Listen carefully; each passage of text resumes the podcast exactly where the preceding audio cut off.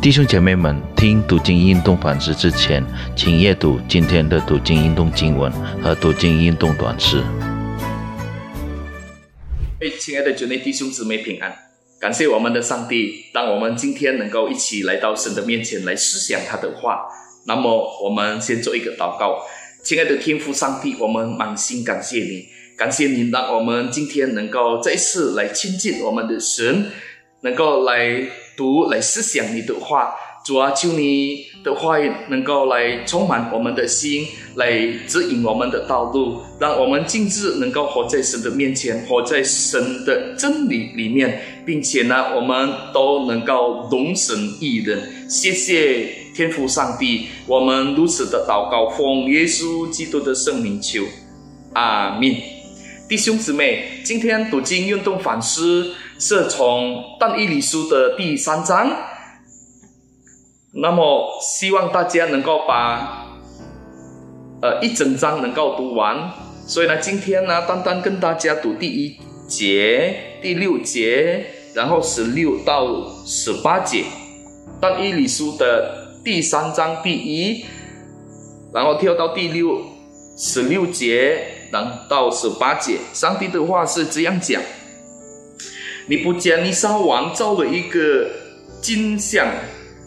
高六十轴，宽六轴，立在巴比伦神杜拉平原。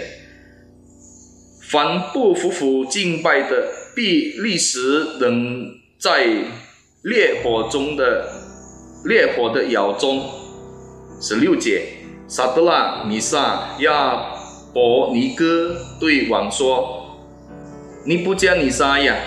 这件事我们不必回答你。”即便如此，我们所侍奉的上帝能将我们从烈火的窑中救出来，王啊，他也必救我们脱离你的手。十八节，既或不然，王啊，你当知道，我们绝不侍奉你的神，也不拜你所立的金像。读经到为止。那弟兄姊妹，今天我们要思想的题目呢，是讲到完全相信仰望上帝，完全相信仰望上帝。如果我们看见前一章的但以理书的第二章呢，特别在呃四十七节呢，我们能够看见尼布加尼撒王当时他亲口承认。以色列人的上帝是万神之神，万王之王，他又是显明奥秘的事。然而呢，很可惜，我们看见王所承认的是暂时的。在第三章，我们都能够发现，尼布加尼撒王呢，他就呃。做了一个金像，高大三十二米。尼布加尼撒王呢，就命令在他呃势力的范围之下的每一个人都要服服的去拜他所立的金像。那么，若如果不要呢？怎样呢？他就会面对很可怕的惩罚。刚才我们所读的在第六节。那么，当伊犁书此的此处的记载呢，就是叫我们想起使徒保罗所写在罗马书的第一章的十二节，就是这样写道：虽然晓得上帝的存在。却不当作上帝，不懂要上帝。罪人呢，就是像尼布加尼撒王一样，将不能修坏之上帝的荣耀变为偶像，仿佛呀，被修坏的人，或像这个飞鸟、昆虫、走兽一般。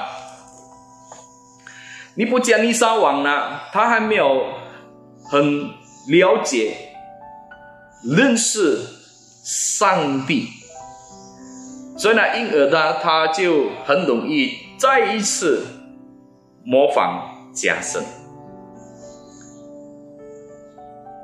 萨德拉、米萨、亚伯尼格的态度，若与王来比较，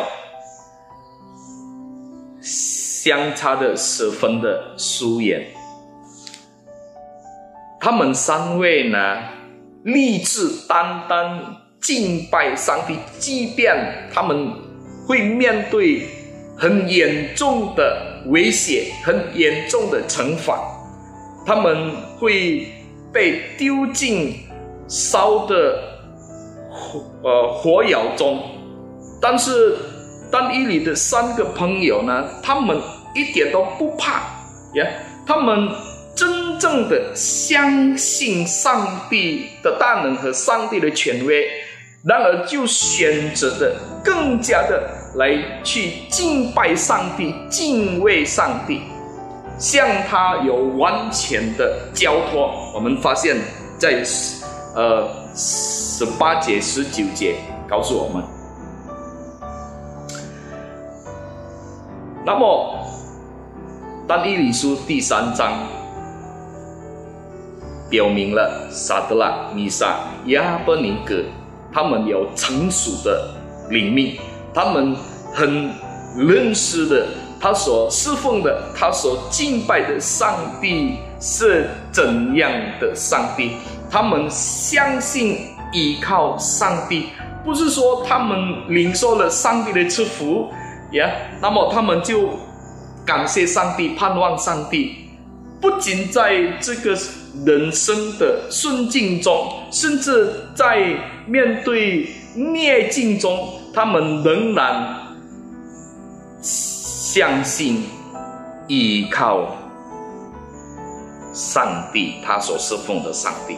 那么，弟兄姊妹，今天呢，我们活在这个充满各种困难之彩色，新新冠。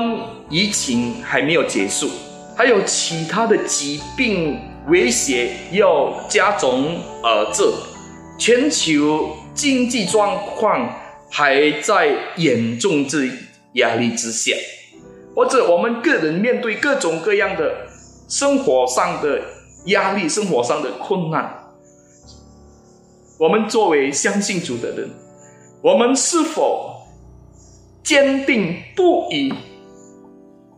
我们单单的来依靠我们的上帝，我们单单把我们的生命，甚至我们的困难，交托于我们的上帝吗？